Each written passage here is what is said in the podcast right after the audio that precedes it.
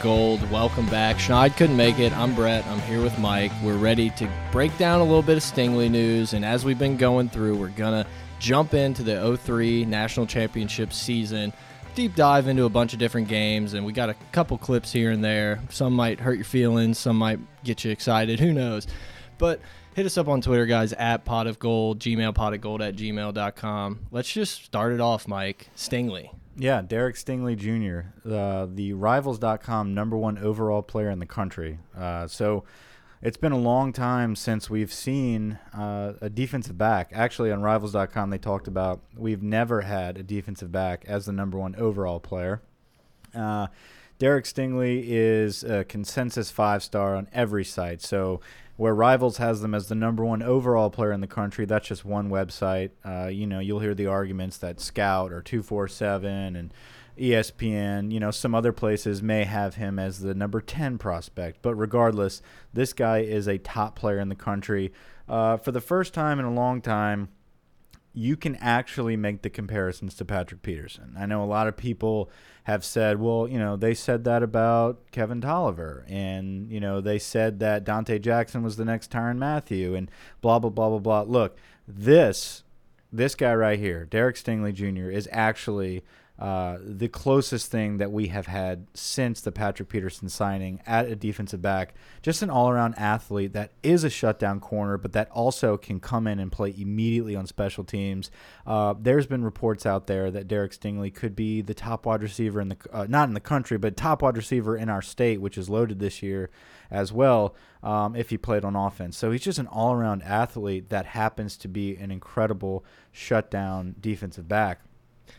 Yeah, and I mean, I'll, I'll, be honest. When we found out that he was going to release a Twitter video to announce where he was going, I was like, "Oh my, okay!" Like another one. Uh, is this dude going to have a Ferrari or a Lambo in his video? Like, what are we getting here? But the video comes out. I'm sure a lot of you have seen it. If not, go check it out. He's seems like a humble guy. He's like, I just want to thank. Uh, I just blanked on his name. Dunham High School. Dunham, they yeah. they let me play at eighth grade, and I just haven't looked. It was just, it was so refreshing to see. It was a guy that seems like he doesn't really want the spotlight. He just wants to play football, and it was I'm going to LSU. I'm once a Tiger, always a Tiger. I'm in. See you later. Commitment done. There was no extravagant, you know, anything. I yeah, loved it. He didn't jump out of an airplane. Yeah, like I even made it. I made a joke on Twitter. I was like, if he's not in Mike's cage at some point, I'm going to be disappointed. But it just it was different than what I thought, but it was great. Like I couldn't be more. I'm so much more excited about this guy now, just because we kind of got a little bit of what's what's between his ears. Yeah, he, he's not a piece of shit. you know, like a lot of these kids, they come out and they really drive you crazy because they, they look like a, a POS, you know, because They've got the hats on the table. They'll start farting around. Well, they'll grab one. They'll put another one on. They'll be jumping out of airplanes, this, that, and the other. Or they'll drag it out all the way till signing day, even though even though they know good and well we're going to LSU. Well, and if that's what you want to do, that's fine. You know, who who are we to judge? We didn't. It's not like we had the Pot opportunity to yeah. do that. You know, know. and so I'm, I don't want to disrespect anybody who wants to have the hats on the table and do that at signing day because good for them. But I just it was refreshing to see. It I, is refreshing, and and like you said, he complimented and he gave all respect to his high school program and his coaches uh, for giving him an opportunity. Uh, so you know that was something that was really. It's raining. Oh, it's raining. Okay, I was like, what's going on out here? Hopefully they can't hear. Um, so we got some raindrops in the background, but that's okay, guys. It's a Wednesday night, little thunderstorm in June. That's what happens. Uh, but no, Derek Stingley Jr. is a very humble kid, very deserving of all the accolades that he's gotten in high school. Uh, we are so excited to have him, and it was kind of a scare at first. Uh, back in June of 2016, Stingley actually committed, and he was committed as a sophomore, as a young kid. Um, I think he committed on the spot when he got the offer from LSU. Uh, so here's a guy who has probably grown up wanting to be uh, an LSU Tiger from the get go. Well, um, it's hard not to. And as we're going to get into, and I guess these kids are getting a little younger, so 03 is a little bit out of their realm, but they grew up with LSU on top, where a lot of our listeners and stuff may be a little older, and it's like, oh, we remember the dog days of LSU. But for the most part, these kids grew up and LSU was on that 230 CBS slot for a lot of games. You know, it's like they've been a premier program for more of these kids' lives than a lot of us. And he plays defensive back. He's been watching DBU as he's been brought up. Um, and you know, a lot of these kids nowadays, it's it's a business decision. That's what they make. Look, this is how they're going to make their money. Their career is going to be playing corner. Yeah. Right. do you fault linebackers that go to Alabama? No. well, I mean, now I do. Well, yeah. I mean, we hate them, but with Aranda, I do now. But yes, I get your point. Where before he came, if you've got John Chavis out there just messing around, having DJ Welter play over Kendall Beckwith, yeah, I'm gonna I'm gonna explore my options. I don't have to go there. Uh, where here, Derek Stingley makes the wise choice, and he knows that you know, regardless of how our offense performs, I'm going to shut it down at corner. I'm going to be noticed at DBU. I'm going to get drafted in the first round if I do my job. And so, uh, excellent news there. So he, he committed originally in 2016, decommitted April of 17. Here we are back in June of 2018 with the recommitment. He's locked in. He's squared away. He says he's 100% finished. Uh, so that is also very refreshing. That sneaky good class putting together right now. Absolutely, um, and, and that's something we'll we'll take a look at in a second. Whenever we go through uh, how far we jumped up with Stingley, uh, let's see. Let me pull up that real quick. So, Derek Stingley comes in as a five star uh, from Dunham High School, 6'1", 195 pounds, um, and like Brett talked about earlier, guys, if you haven't seen the Twitter video, go to his Twitter, uh, watch his commitment. We video. retweeted it. Go to at pot of gold. Right, and then follow us if you're not already following us. I don't know why you'd be listening to us right now and not be following us. There's a on lot of people that are our listeners and our Twitter followers are It's very, very skewed. Very skewed. It's very skewed. But not everybody has a Twitter. I mean, I don't have a Twitter other than the Pot of Gold Right. Twitter. So uh, I get it, but do it for us. yeah, for me. For for Brett. Brett does a great job on the Twitter. I jump in every now and then, but for the most part, Brett's handling the Twitter. I try to make a laugh here and there. Twitter's supposed to be fun. What, what are you? What else are you supposed to do on Twitter but put some Seinfeld gifs and some Office gifs around there? right or eye, eyeball emojis. Uh, that's my favorite. that seems I, like the big thing these I days. feel like I'm too late. Like we can't jump on the eyeball emoji train. We can't. Like we have to be the anti eyeball emoji and we podcast. are. Yeah. We made it very obvious that it's annoying. I wish we could do one, one We- eyeball, because that could be to our do one. thing. We could do one. I don't know. We'll see. Great ideas Um, from Pot of Gold. Right. So uh, right now we're sitting with two five stars: Derek Stingley and Kardell Thomas. Our boy KT. Uh, Marcel Brooks is right underneath them, right there as an outside linebacker, 6'3", 200 pounder, four star out of Flower Mound, Texas. He's a linebacker we have committed. He's our other highest ranked prospect. Uh, Tyrion Davis is up there as well. Uh, we have got Anthony Bradford, who's a big time lineman. Maurice Hampton, another defensive back that's a four star out of uh, Tennessee. Um, Zach Edwards, a big time linebacker out of Mississippi. Uh, we've got uh, quite a few other commitments there, but the, the top of that class is who I just mentioned, um, and many more to follow. And that's that's where Derek Stingley uh, becomes a very important commit to get it out the way over the summer. It could have a momentum uh, effect to it where You've got John Emery coming up in July. Yes, it looks like signs are pointing to Mississippi State, but you never know. Uh, you've got some eyeball emojis coming in from Noah Cain, seeing his boy Stingley commit. You've got some eyeball emojis coming in from Trey Palmer, a top wide receiver out of Amite. You got some eyeball emojis uh, coming in from the next guy I feel that's going to be in our class, and that's Dante Starks, a big time linebacker out of John Ehret. Yeah, and I mean you're 100% right, but on top of that, we also waited around for a top corner last year and kind of got left outside looking in. Mm-hmm. So it's nice to just at least what we assume lock that guy up now. We did, and you know what? We we pushed hard for Derek Stingley, and we and I think when he decommitted, and then we lost on Surtain, is whenever we we went full court press, and I you know I think Ishmael Sopsher, the other unanimous top five player in the country out of A the defensive tackle, I think him and Stingley were our full court press. Kardell Thomas, Stingley, Sopsher. That that was the top three we need because there are top three five star big studs in the country, all from the state. We've got two of them right now. Um, that's big to get them locked in early. And both of those guys, Thomas and Stingley, both look like they are advocates for LSU. They are they were all in.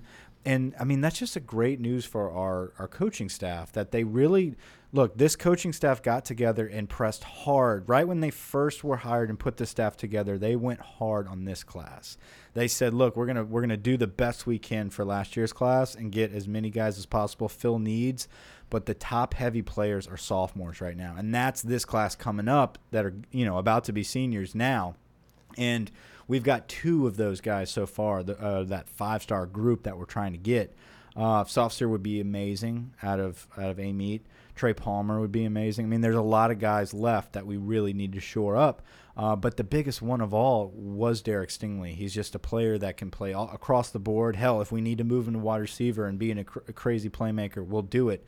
Uh, but make no mistake, he is our future lockdown five star defensive back that walks in. He'll start immediately.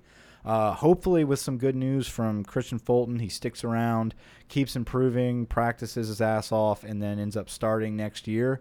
Uh, you'll have Stingley and Fulton playing next year at our corners, and that's that's lockdown.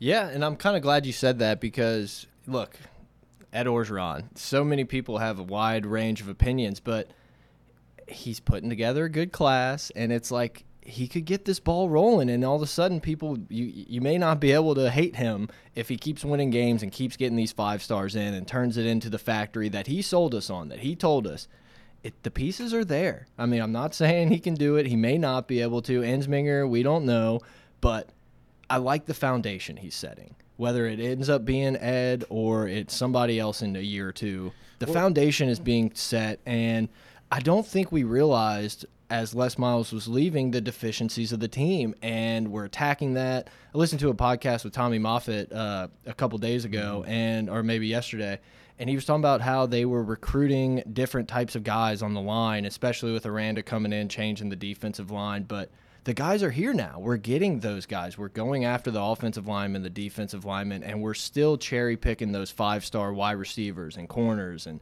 and uh, skill position players and I don't know, man. I, am getting excited. Yeah, I mean, when you can't get off the field on third down, when you can't pressure the quarterback, and all you're really hanging your hat on for years is, oh, we've got great corners. Oh, we've got great safeties. And that's fine.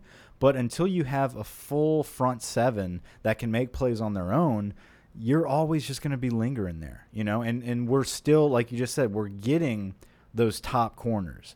But the difference is now we're filling the beef in the middle. We have depth there. We don't just have Rashard Lawrence. We have Braden Fehoko. Woo! Right. And, you know, we have uh, Tyler Shelvin and we've got Livingston. You know, we, we have depth there uh, where we didn't in the past. Uh, you know, not to say Devin White. I mean, look, we've got guys now in our front seven that can shore up that defense where we bring in a Derek Stingley Jr at corner. Now you have your Patrick Peterson, but you've got a 03 esque defensive line in front of you. So that's called a teaser in the business, ladies and gentlemen. Right. We're going to get to that defensive line in a little bit, and there's a lot of comparisons there. I, I'm not. Look, we spent a lot of time looking at this 2003 season to come up with this segment. Uh, there is a lot of comparisons uh, personnel wise. I'm not talking about heart. I'm not talking about coaching. I'm not talking about any of that. But personnel wise, there is a lot of comparisons and a lot of similarities between 03 and 2018. Yeah, no, I definitely agree. It's a. Uh, it's a cornerstone type of year for the program, which I think it kind of was at LSU in that time. You know, we've had some success. We beat Tennessee, got an SEC championship game, but that 2002 year was an eight and five year, I believe, yeah. and it was just like a, uh, you know, it's we're we okay. Lost in the Cotton Bowl. We ended the season with a loss. Right, and I mean, obviously Saban leaving kind of changes it a little bit, but that was kind of a turning point. No three, it was like, okay, we're here. Like we we're here. We got the best coaches. We got some really great players, in-state talent. We don't need to go anywhere else to find our team. It's right here. Yeah. And uh, you know, there's some clips at the end of the national championship where Nick Saban says that ex those exact words. They asked him on the podium as after he's holding up the national championship trophy, is, you know, the NFL is made up of a ton of Louisiana athletes, and, and that's your recipe for success. We're going to see you here many more years if you keep doing it. And he said, you know, this is the recipe. And, you know, I'm happy that these guys were able to stay home and win a championship for LSU because this is what you need to do. Now it hurts us because this he just is, took that recipe elsewhere. Is the same guy that knows the recipe that goes to Alabama, that plucks the cream of the crop from Louisiana, but still holds down Florida and Alabama to go to his school. I mean, the, say what you want. I mean, the man knew exactly what he was doing. He went to the most dominant SEC program in the history of football. Went to Alabama, took what he knew from Louisiana, took what he knows from Alabama and Florida. He takes the cream of the crop from there, and he's got a machine. But yeah. this was the beginning of that machine yep. for him. Yeah, absolutely. I mean, you kind of hit it on the head. It's like I hate Nick Saban more than just about anyone on planet Earth, but it's you can't argue with it. Like you look at it and you're like, oh, you know, maybe they're doing a little shady stuff under the table, too many shadow staff, but too bad. You know, it's like why don't you do it then? Right. So- e- exactly, and it's like, hey, we, we want some linebackers. Okay, let's get Dylan Moses and Christopher Allen out of Baton Rouge. Let's move on after that. Like he doesn't take all of them, but he's like, what do we need? And he'll take them. So Yeah, West Monroe, that's uh, West Alabama. right, we'll take the uh, top offensive lineman from West Monroe, like we used to do uh, back at LSU. So I mean, that's that's what he's been doing, and I think the challenge that Ed has is building that fence and keeping those top guys. Now, Derek Stingley was a guy that never flirted with Alabama. Uh, his final three were Texas, Florida, and LSU. So we didn't have to battle Nick for that. You know, he got Surtain last year uh, against us, so we were able to hold uh, the, the top guy here. It's going to be a battle for Sopsher. I mean, that that's what we know. We know the big time defensive tackle from Amite is going to be a battle with Nick Saban. So if if Ed can win that one, my eyes will really light up because this is incredible that he's got Derek Stingley in a time of uncertainty with LSU football. I think it's big. Um, I think pulling in both Kardell Thomas and if he can get Sopsher, so the two O line and D linemen, if he can keep them from Alabama, that's huge. Stingley is huge uh, in its own right, um, but we're used to getting DBs. It's the linemen. If we can keep those five star linemen in state, you're going to see some changes at LSU. You're going to see some of those victories that are on the line uh, that we lose at the end of the game. You're going to see those become victories. And at the end of the day, sometimes our seasons are depending on those games, on those one or two first downs we didn't make because we don't have an offensive line. We don't have a D line Well, depth. And, You know- and it's not just it's not just games in a season. I mean, this is coaches' careers. This is you know a lot of things on the line that have. It's just there's so many ripple effects in college football. One one touchdown or one not interception, and all of a sudden this coach isn't fired because they end up going. eh, There's just who knows? Who knows? That's why they play the game. That's why they play the game, Brett. So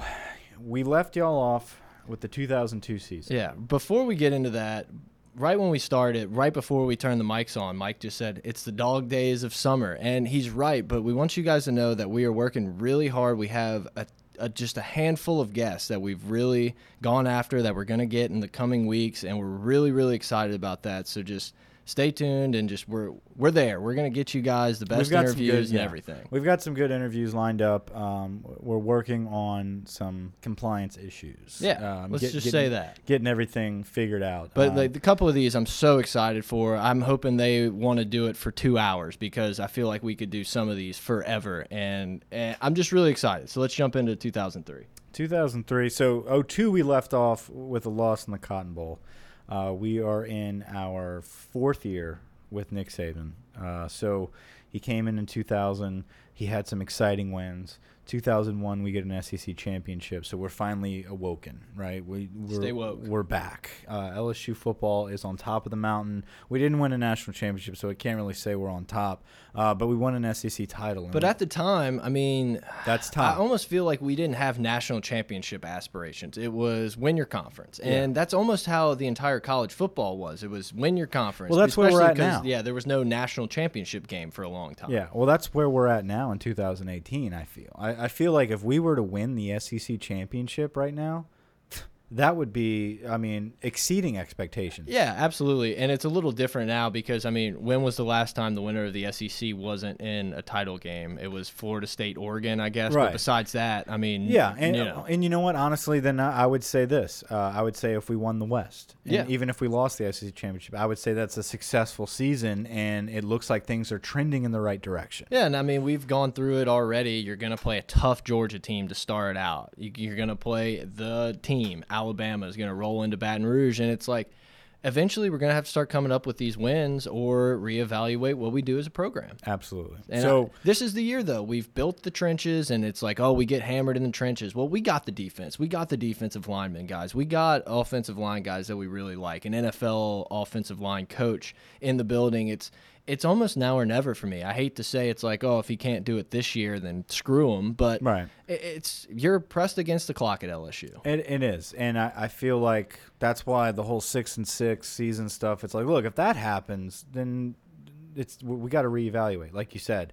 Um, but if we're able to pull off the West, if we're able to overcome that hump and shake things up, now look, who's not even beat, just beating Bama? What if we Yeah. lose to Bama, but we beat everybody else, and then Bama has a hiccup against Auburners? We need to be in the race. You know what really pisses me off over the last few years is LSU's in the discussion of like who's the fourth best team in the Mm-hmm. West, who's the third best. It's like, oh, you know, Texas A&M playing really well, Ole Miss. It's like fuck that. We you know, should- like I want to be. It's should be neck Alabama. neck. Yeah, Auburn can have their year every once in a while, but I want the conversation to be LSU Alabama. Who's going to win? Game of the century of right. the month. Right. And that that is what people miss. Yep. It's we don't expect to be in the national championship every year. We just expect us to be competitive enough where it's a toss up and it comes down to that game. And every now and then we pull that one off and we represent the West. And for many years, we go. I know we we tried to start the 03 segment, okay. but here we go.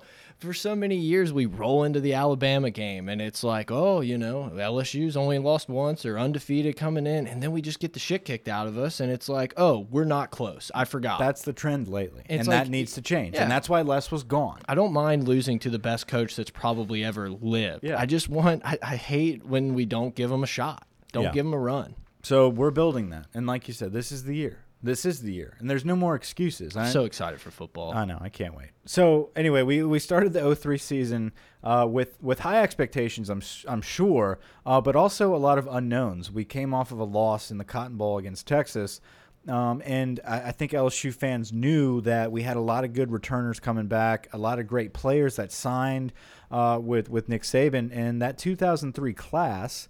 I'll go over it with you real quick. Uh, so these were true freshmen. Uh, we had a great signing class come in. I know the year before we had some some guys come in, but that 01 class that was filled with studs are now pretty experienced and are, are able to make a run. So I feel like fans at least expected to be uh, representing the West again. So they wanted a repeat of 01. I don't think people came into 03 saying we're going to win the national championship. So expectations were were going to be pretty good. So the the freshman class is led by Jamarcus Russell, uh, Dwayne Bowe, Cornell Stewart, Kirston Pittman, LaRon Landry. Uh, we had Buster Davis, Craig uh, Busta Bust. Craig Bust, Amp Hill, Ken Hollis. Uh, let's see who else we got. Barring, Barrington Edwards, uh, Daniel Francis, Justin Vincent, Chris Jackson, Nick Child, Matt Flynn, Justin Zenon, Alley Broussard, Will Arnold, Jesse Daniels, and Keith Zinger. Um, loaded. That's an absolute loaded class. Not Uh, to mention, you know, all the guys that were sophomores, juniors, and seniors on this team. I mean, Right. this team is loaded. Yeah, absolutely. Uh, so let's see who else was on this team as far as quarter quarterback quarterbacks. Who we got there? So Matt Mauck was our starter. He was backed up by Marcus Randall. Uh, Marcus Randall would come in the next year. So Randall came in when Flynn, I'm not Flynn, when Matt Mauck was injured the year before. Uh, so here we go. It is Matt Mauck leading the 2003 team, uh, a little bit more polished than Randall. Jamarcus Russell is a freshman that they don't know too much about. Just a cannon for an arm. Exactly. Running backs, you've got Shyrone Carey, Justin Vincent, Joseph Addai, and Alley Broussard. And also, Skyler Green was a big bubble screen and that jet sweep type Mm-hmm. of player for this team, too. He was almost like a running back, scat back type of guy, too. The uh, the offensive line is what the biggest difference was that I see on this team. That that's what stood out the most. Uh, you had Whitworth at left tackle. Uh, you had Stephen Peterman at one of the guards. Rudy Niswanger. Uh, you had oh who was it? Who was it? Let's see. Reed. Rodney Reed was the right tackle, and then our boy at center. Why am I blanking on his name? Well, I mean, as I'm watching the national championship game against LSU, they're doing like the announcement of the offense and everything. These offensive linemen were huge. I mean, it looked like they were just like bell cow type of dudes. Like I, I, I was very impressed with the size across LSU's team in 2003. It looked like compared to the Oklahoma defense, who was also a top defense that year, it just looked like different. Or I mean, obviously they had a top offense, but watching that national championship game, it felt like I was looking at different types of players. Almost like when I watched the Alabama Clemson game, I was like, these Alabama dudes are huge. These Clemson guys are just average. Granted, Clemson just ran them to death and did 120 plays and won. But I just I had that feeling like, oh, one team looks different than the other. Yeah, and uh, defensive line. I mean, you you had uh, Marcus Spears out there, Marquise Hill. Um, Kyle Williams, Chad Lavalais. I mean, goat. Lavalais was incredible. He had to sit out uh, a couple years, worked as a prison guard. Yeah. Um, uh, but th that's the type of gritty guys we had in there. You got Cameron Vaughn at linebacker, Lionel Turner, um, just a, a, lot of great players, and our DBs. I mean, Corey Webster does not get enough credit. No, he made people, some incredible plays. When people talk about LSU corners, it's always Pat and Tyrann, and I mean, I know they're great. I've said it before, and I'll say it again. I've never see someone do what Tyrann Mathieu did ever again at LSU, but man, C Webb, like you kind of forget this dude was just tapping balls back to himself for interceptions and stuff like throughout the year. Shut down corner, like I don't know, that? I don't know why people even threw at him. Was it was it the Georgia game where he he or maybe it was the Ole Miss game. I'm trying to remember. The one where he tipped it to himself. He tipped into himself. Just he did it. it in the Georgia game, and then he did it in the national title game. Yeah, I mean that dude can ball. Uh, ben Wilkerson. Ah, there you go. it's the center that I was thinking of. Yeah, we'll edit it. We'll edit it, edit it back in. Yeah, well, well, it was too long of a break. We're definitely going to edit that break for a little bit. But Ben Wilkerson was the center. I, I forgot why I uh, could not remember old Ben. I think he coached with us for a little while at LSU after the fact. Um, I think he's still coaching now. So anyway, uh, that 2003 team was just loaded with studs. Uh, I think from that season, you had Michael Clayton, incredible wide receiver, first round draft pick to the Bucks. Devery Henderson, second round draft pick to the Saints. Marquise Hill, like we talked about, went to the Patriots in the thir- uh, second round as well. Stephen Peterman, incredible guard. Dallas Cowboys, third round. Chad Lavalais, fifth round. To Spears went somewhere high. The following year. Yeah. Okay. Um, uh, Chad Lavalais, Donnie Jones, Matt Mauck actually got drafted the Broncos in the seventh round. So, um, yeah, guys. I mean, th this this it's now LSU's uh, dentist. Yeah.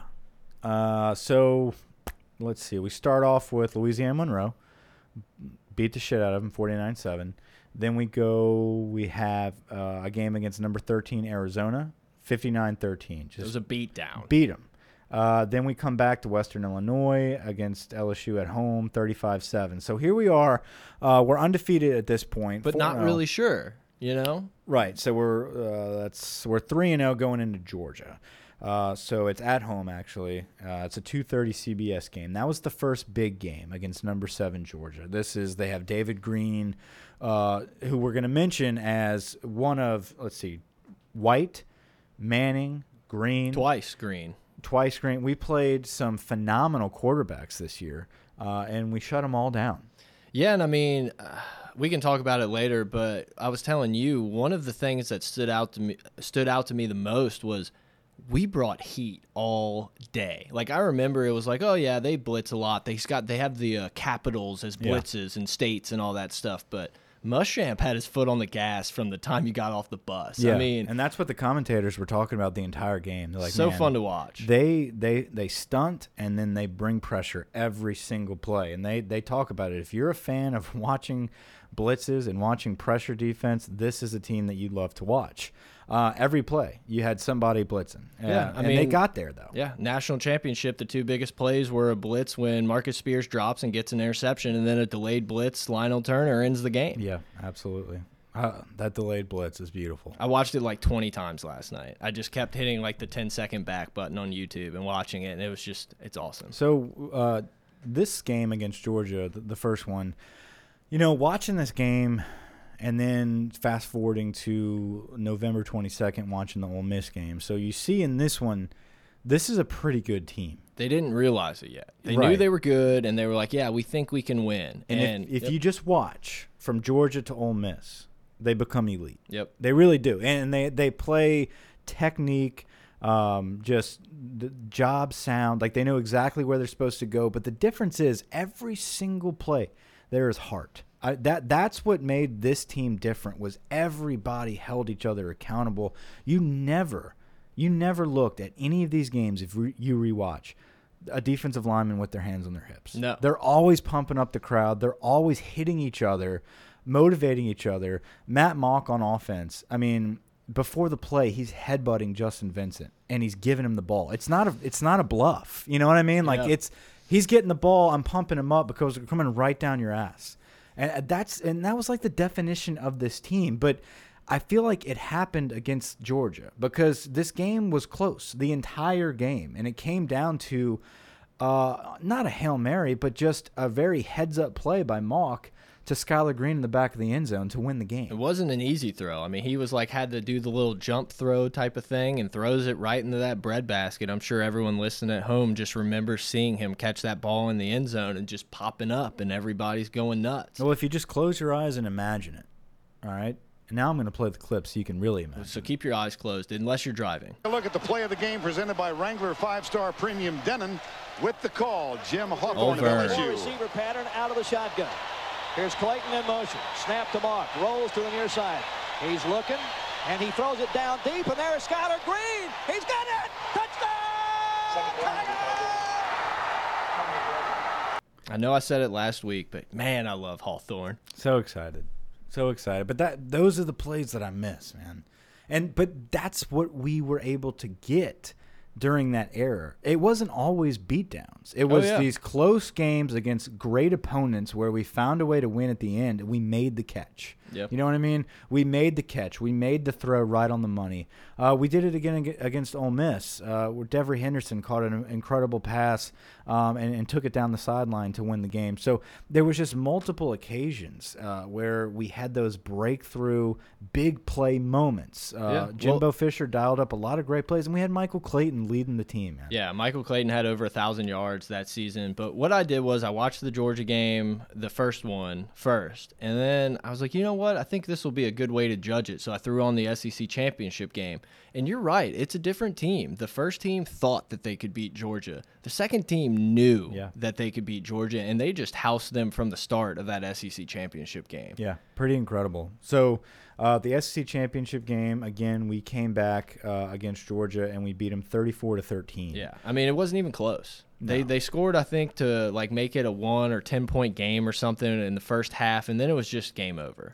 So after the first Georgia game, we we beat Ole Miss forty-one to six. Then we had our first hiccup. Our only hiccup of the season was against Florida.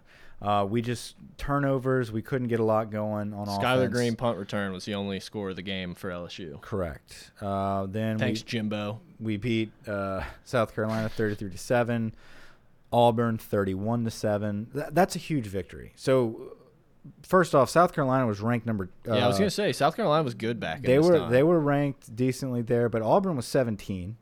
Um, then we beat Louisiana Tech 49 to 10. Then we beat the crap out of Alabama 27-3. Then the big game against number 15 Ole Miss 17 to 14. This was a incredible game. Uh, this is one of those I mean the the Georgia games, both of those, the national championship against Oklahoma and then the Ole Miss game against Eli Manning uh, at Vaught Hemingway Stadium in, at Mississippi. I mean that was absolutely incredible game. E that was the Eli game where he falls and Yeah. he trips. Um, but it's just, I mean, even in that game, you've got turnovers. Uh, Matt Mauck threw a pick six the first play of the game, but we overcame that. You know what I mean? And it's so crazy watching that game where we run into that stadium and you can see that like we know we're on our way to a national championship. You know, it's like we're ranked number three. We've got USC and Oklahoma in front of us. We're waiting for a hiccup or a, uh, you know, and and that day it was the BCS computer polls to to push us on with an SEC championship victory. So we couldn't slip up, and you can see that everything we did, anytime we would slip up in that game, we would overcome it again uh, with a, a big play on offense. Uh, and our defense was just shut down as it is. Um, Justin Vincent has had his coming out party towards the end of the season. I thought I found that very interesting. I, did, I was not aware of that at the time. Uh, that um, Justin Vincent was not the primary back in the beginning of the year. He was a true freshman. a lot of Shyrone Carey in the Shyrone. Carey was playing a lot. Um, you had Joseph Addai was basically your bell cow, but he wasn't your home run threat. Carey played a lot more um, of the the quick, you know, slash and dash.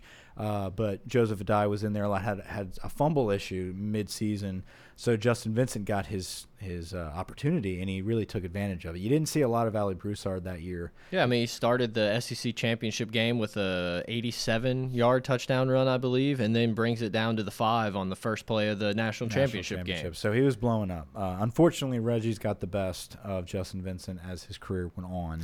Um, that's what people say. Uh, but we love Justin. We love Justin Vincent, and uh, I'm glad he's still on the staff helping out. It's really cool that him and uh, Kevin Faulk are on our staff right now, really helping out with recruiting and player personnel. Uh, but anyway, so the big Ole Miss game, Arkansas 55 to 24, and then like you talked about the beatdown in the SEC championship 34-13 against Georgia, and we get the opportunity to play number one Oklahoma coming off a loss to Darren Sproles and K State. Yeah. So maybe they weren't number one. I think I don't remember. I don't. I think they they still stayed one in the polls. Because everyone there was had different one loss, polls, right? right? But I mean, USC claimed a national championship because they AP were AP national champion. Yeah. Uh, but regardless, it was LSU versus Oklahoma in the national championship. well, in Oklahoma, I mean, Jason White had 40 Heisman, touchdowns, eight eight interceptions as a Heisman. Uh, they had the number one score or the number one total defense in the country that year. They had guys like Derrick Strait, uh, Teddy Lehman at linebacker. I mean, they had a really good team, and LSU was just so much better than them. Like the game ended up being close and you know kind of coming down to the wire, but LSU fumbled on the uh, three yard line. Yeah. Mauck fumbled after the Justin Vincent run. Oklahoma get blocked a punt down to the two yard line for one of their scores, and the other one was an interception they took to the 30. This amazing, high powered offense and everything, it didn't do shit against Yeah. Muschamp's defense. Nothing. And you know, like you talked about Mauck fumbling, uh, I think some people forget, and we kind of glorify history. Um, we weren't perfect. You know, these teams like like you talked about against Ole Miss, we threw a pick six to open the game. We had fumbles. Ole It wasn't Miss- like we had the Cam Newton guy that's a savior of the program No. and going to throw everyone we got lucky many times. Um, and in the multiple games that I watched, the opponent had a combined, I don't know, seven missed field goals. Yeah. so I, I mean, like there was multiple times where we got away with it. You know, where we we we caught those breaks. But that, you know, what's crazy? It's that's what Nick Saban does, and he still does it at Alabama. Well- it's he gets away with those breaks, but you. All, he always capitalizes on his opportunity. He'll look if you mess up, if you miss that field goal, he's gonna score. You know what I mean? Like it's eh, he he capitalizes it on. You any give him an inch. inch, he takes a mile. It's just like the Arnold Palmer quote. Um, he said, "The more I practice, the luckier I get." And it's like you know, it's just about capitalizing on it and everything. When you put in the work, you can call it luck, you can call it a good break, but they've put in the hours, they've put in the time, and they were good enough to do it. And you know, I, I think it was halftime of the Ole Miss game. It was something that that really stuck with me about what he said at, as he was running into the stadium. They're like, you know, what do you do to need to change whatever? He's like, honestly, um, we don't need to change anything right now. We're playing with a lot of anxiety, and it's just like for for him to notice that he's like, we need to. We need to, uh, you know, really enhance our composure right now. Uh, we're playing very anxious and we're making mistakes. At no, nothing with the play calling, our game plan doesn't need to change. We need to be more confident and execute what we have, and just just drop our anxiety level. Yeah. And like that's what they did, and they came out and won. And I feel like the little, you know, psychological game of football that you play, the little things like that. If you can just dumb it down, I feel like that's what we've been missing many years at LSU. Is we'll be so caught up in the moment, and then you'll get a left guard just shaking in his Yeah. boots, and it's like, all right, let's back it up ten yards. Play doesn't work. We're five yards short. It's Yeah, like, I come on. mean, whenever we were trying to kick the field goal against Alabama a couple years ago, and there was the penalty, it's like things like that. It's you can't have you gotta play composed, confident football, and you can beat anybody. You really, if you line up and play composed, confident football, and you have the right play call, just execute. And we haven't seen really good execution from our football program in some time, and that is what you see in this 2003 team. Is. The minute you make a mistake, they adjusted, they changed how they approached the plays and they executed. And and it was beautiful to watch especially with the players we had. I mean granted we had excellent players that played to the best of their ability um, and it was our coming out party. We, we made it to the top of the mountain. We won the national championship um, and and honestly this was the pinnacle of i would say lsu football because from here on out this was the standard this was expected Yeah, I mean, even in 07, that was a team that lost twice, not in regulation. But it, I don't know. It just feels, it just felt a little different. I don't know if it was because it was the first one since 58 or, or what, but there was just an exciting air in LSU football. It seemed, and maybe it's just the fact that internet and message boards are more prominent now, but it didn't seem like there was just everyone around hating LSU football. You know, oh, they suck, they can't do it. It's Right. like it seemed like it was one team, one heartbeat for real. Well, and and like you just said, it, it I think it was because the expectations weren't there yet. I agree. I And, and so agree. the this first national championship was like, man, we are really, Oh, really yeah. good, Oh.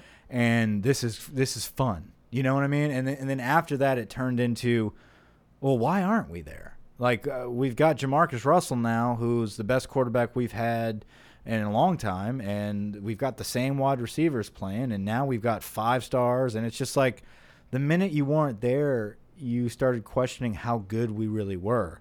Where back then you didn't question it. It was just you saw it for the first time and you were like, "We're really damn good, and this is awesome to watch. This is great to experience." Um, speaking of great to experience, it was kind of I was there for the game. for the national. Yeah, I was in the dome That's cool. in the Oklahoma section. It was great. That's a good little little segment there, Brett. Uh, do you remember Nick Saban saying this? Coach, your, your, your players want to handle that trophy. But championship football games are not supposed to be easy, and this one was not. It was not easy, but you know, this team has had such character and shown such resiliency all year to make the plays they needed to make in a game to win the game. I'm so proud of these football players. The seniors and every player that contributed did a great job in his role. We've got great fans. We've got great people in the state of Louisiana. And I'm just happy that we can make the state proud of something our football team could do. Someone pulled the knife out of my chest. I had to do it. I had to do it for us, you know, uh, because I feel like we've been burying that for many years. It hurts. I mean, you know, you can say screw that guy, but it hurts. No, absolutely. But that was the season. That was the end of the season. Uh, we we Be happy it happened, not sad it's over. What is that? That's like some Hallmark card type thing. yeah, I don't know. Dr. Seuss. Sure. Uh, One of the things I, I the funny things that I kind of saw watching this game that I wanted to bring up, it really pissed me off every time either team scored in this national championship game. They jump up to celebrate, and the ref's like right on top of him, like, okay, okay, settle down, settle down, buddy. And it's like, what do you want them to do but celebrate in the national title game? And it still happens today. I feel like it's a little less strict, but it just really kind of frustrated me. It's like you're at the top of the top, scoring a crucial touchdown in the game, but the ref wants to make you go to the sidelines instantly. That just kind of pissed me off. you noticed that. I, of course I did, dude. Watch it and tell me you didn't. And then possibly my favorite thing in this whole like deep dive into 03 season, national championship game, LSU had to punt because of I, I don't know, there was like seven seconds left or something like that. And they punted, the ball rolls out of bounds, game over, coaches go handshake, and then they're like, okay, let's go down. It wasn't Lynn Swann, I can't come up with his name now. Shit. Uh like let's go down to Jack Arute. And he's like, Okay, Bob Stoops, uh, tough break, huh? And like puts the mic in his face. And it was just so freaking funny. I was like, Can you imagine if after that Clemson game whoever's Tom Rinaldi rolls up to Nick Saban trying to walk off, and he's like, "Ah, better luck next year, pal." like it was just so funny. I just couldn't imagine. No, I mean coaches have been just so glorified now that you can't imagine doing that kind of crap anymore. Uh, and and like you alluded to, man, the the difference in sideline commentary and just the all around media presence is so different it's now. gotten so much better. I'm it not has gotten lie. so much better, uh, but it's just it's just weird to watch, especially the female reporters. I forgot what game it was, uh, but it was whoever uh, Arrington. I forgot her name, Jessica Arrington. I, I forgot what it was. something. Um, Haley, let's call her Haley. But it was just so bad. You know, it was just awkward. The timing was off. They had a big segment. Um, Well, Lynn Swann's not much better. I'll, I'll tell you. it was the. Georgia game, and, and they had a big segment with Derek Dooley's dad. And like every time they went to talk, they're like, "Wait, we got to watch this play." it's like they didn't have stuff lined up where they could just like put it in the corner and like keep the interview going. You know, Technology has has come a long way. uh, and it was pretty interesting to, to watch that interview actually, where they talked about Derek Dooley being the special teams coach at LSU and how he finished law school and decided to go back into coaching and They talked about Will Muschamp being in his, I think it was his third season as the defensive coordinator, and Jimbo in his fourth year as offensive coordinator, and Nick Saban having led this team. And it was really the epitome of all that staff that they put in so much time and effort for a few years, and it paid off. And Yeah. this was this was the icing on the cake, the national championship. Unfortunately. Um, you know, they had a down year the next year and decided to hang it up. Pretty much the entire SEC coached under Nick Saban. Yeah. So 04, they decided to hang it up after the 04 season. So uh, we're going to dive into that probably next week. Um, Yeah, we uh, weren't the best at planning out like the weeks and stuff, so we're gonna have to maybe get you a few more episodes in a week or something. We have to condense it down yeah, so we we'll can get to. Miami. we'll figure it out. I mean, We don't have to talk about 2017. yeah, no, I don't want to talk about that. Right. Maybe we'll see. We'll see. I mean, we can do a couple of those seasons in one. There's no, really nothing happened in the past few seasons. We can wrap it up pretty quickly. Yeah. I think we the point of this is really to document uh, the two previous regimes in the seasons beforehand. And it's been so fun to do. I know you've been enjoying it. Schneid's enjoying it because we always text back and forth like, "Oh, I'm watching this game, I'm watching this game," and it's it's just fun because we remember it, but it's just you don't remember it, and I don't know. It's just been eh, I've really enjoyed it. I hope the listeners at home, I hope you guys are doing the same thing, watching some of these games, going back or remembering these clips and being like, "Oh, let me tell my buddy, I was here for this." And you know, mm-hmm. you just have so many stories that you can just like, "Where was I when that happened?" Bluegrass Miracle, National Championship game, just down the line. And it's just been a lot of fun. I'm having a ton of fun doing it. And like I said, we're working to get some really good guests and everything. And so we're definitely going to keep doing a bunch of different things and getting you guys a ton of content. But I've really enjoyed this, especially in the, the dog days of summer, as you and said. it, it's pretty cool to look at the players and uh, like we like we mentioned earlier or I mentioned earlier about how 2003 and 2018 some of the personnel similarities and I'll just go over them real quick before we go. Yeah. Um, you know, if you look at our safeties, right? uh, You had Jack Hunt and um, I think it was I forgot who the other safety was. I just was. blanked on his name, too. Uh, but at corners, you had Webster and Travis Daniels. Uh, so if you look at Travis Daniels, not just his number, Travis Daniels kind of reminds me of Greedy. He's a lockdown corner. He plays with number 29.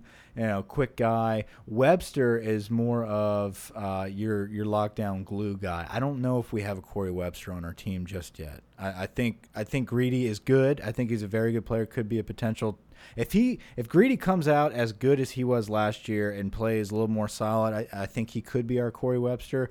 But he kind of reminds me of Daniels.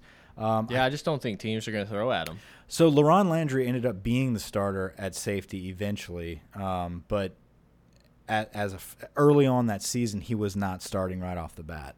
Um, so you've got um, Delpit in there. I think Delpit is a good comparison to LaRon Landry. I think LaRon came in as a true freshman. Delpit came in as a true freshman last year. I think this year they're very comparable as far as side by side. Linebackers, you know, I, I think Devin White is better than Cameron Vaughn as a sophomore. Well, I think Devin White is probably better than any linebacker we've had, at least in the last 20 years at LSU. Yeah.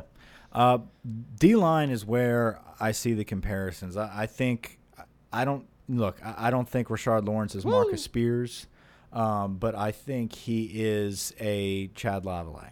I, I feel like he's a big body that's gonna be technique savvy and break through the line. When I think we haven't really got to watch him yet. You know, everyone says how great he is. Pete Jenkins gives a woo, Rick, Yeah. Ric Flair style, saying he might be the toughest guy. And it's like, you know, he didn't play a ton freshman year, had some nagging injuries this year. And I'm just worried that he's to, we're just not to ever get to see him. But that dude, yeah, he, he is just different. Yeah, and then you know I, I feel like our Rougarou, Ed Alexander, could be kind of like a, you know, a Kyle Williams or a, Claude Wroten. You know, I mean one of those. That's a big name I haven't heard in a while. Yeah, um, and you know Marquise Hill, I I don't see a comparison to him, but I feel like there's not a huge drop off when you've got Breiden Fehoko that's supposed to be this next top dog. So I think our D line is very big, very strong. The difference is the 03 teams they play they were big guys like that, but they broke through that line. They were able to break through. Yeah, they ran stunts and we blitzed the linebackers, but they were able to shed their blocks and get to the quarterback multiple times a game. Well, and I think especially with the personnel we have, we're going to see a little bit more like that Will Muschamp defense. We're going to drop the defensive linemen. We're going to blitz four linebackers on a play, and we're going to just throw the kitchen sink at you. You never know who's coming, who to block, what to do, and good luck. You know, you got three seconds to try to throw against a couple of the better corners in the country. Offensively, 03's offensive line was far and away better. I mean, I, I hate to say that. It's just that, that was like a legendary group. Yeah. Whitworth, Peterman, Ben Wilkerson. Well, and there's a lot to prove on LSU's D line. Some talented guys, some big guys, but I mean, you got to show up and do it. Quarterback wise, though, I think Matt Mauck and a Joe Burrow or a Brennan. I mean, I feel like that's kind of comparable. I mean, uh, they're guys that can throw the football. They're not excellent quarterbacks, but they're game managers that can move the ball down the field. Not going to kill you, hopefully. Right. I think Shyrone Carey is Clyde Edwards Helaire. I, I think it's a, it's a small guy that's built that can break through the hole every now and then. Um, I think Chris Curry and um, Joseph Addai are very comparable. Uh, I, obviously, Addai had a lot more experience on under his belt. I don't think we have a Justin Vincent.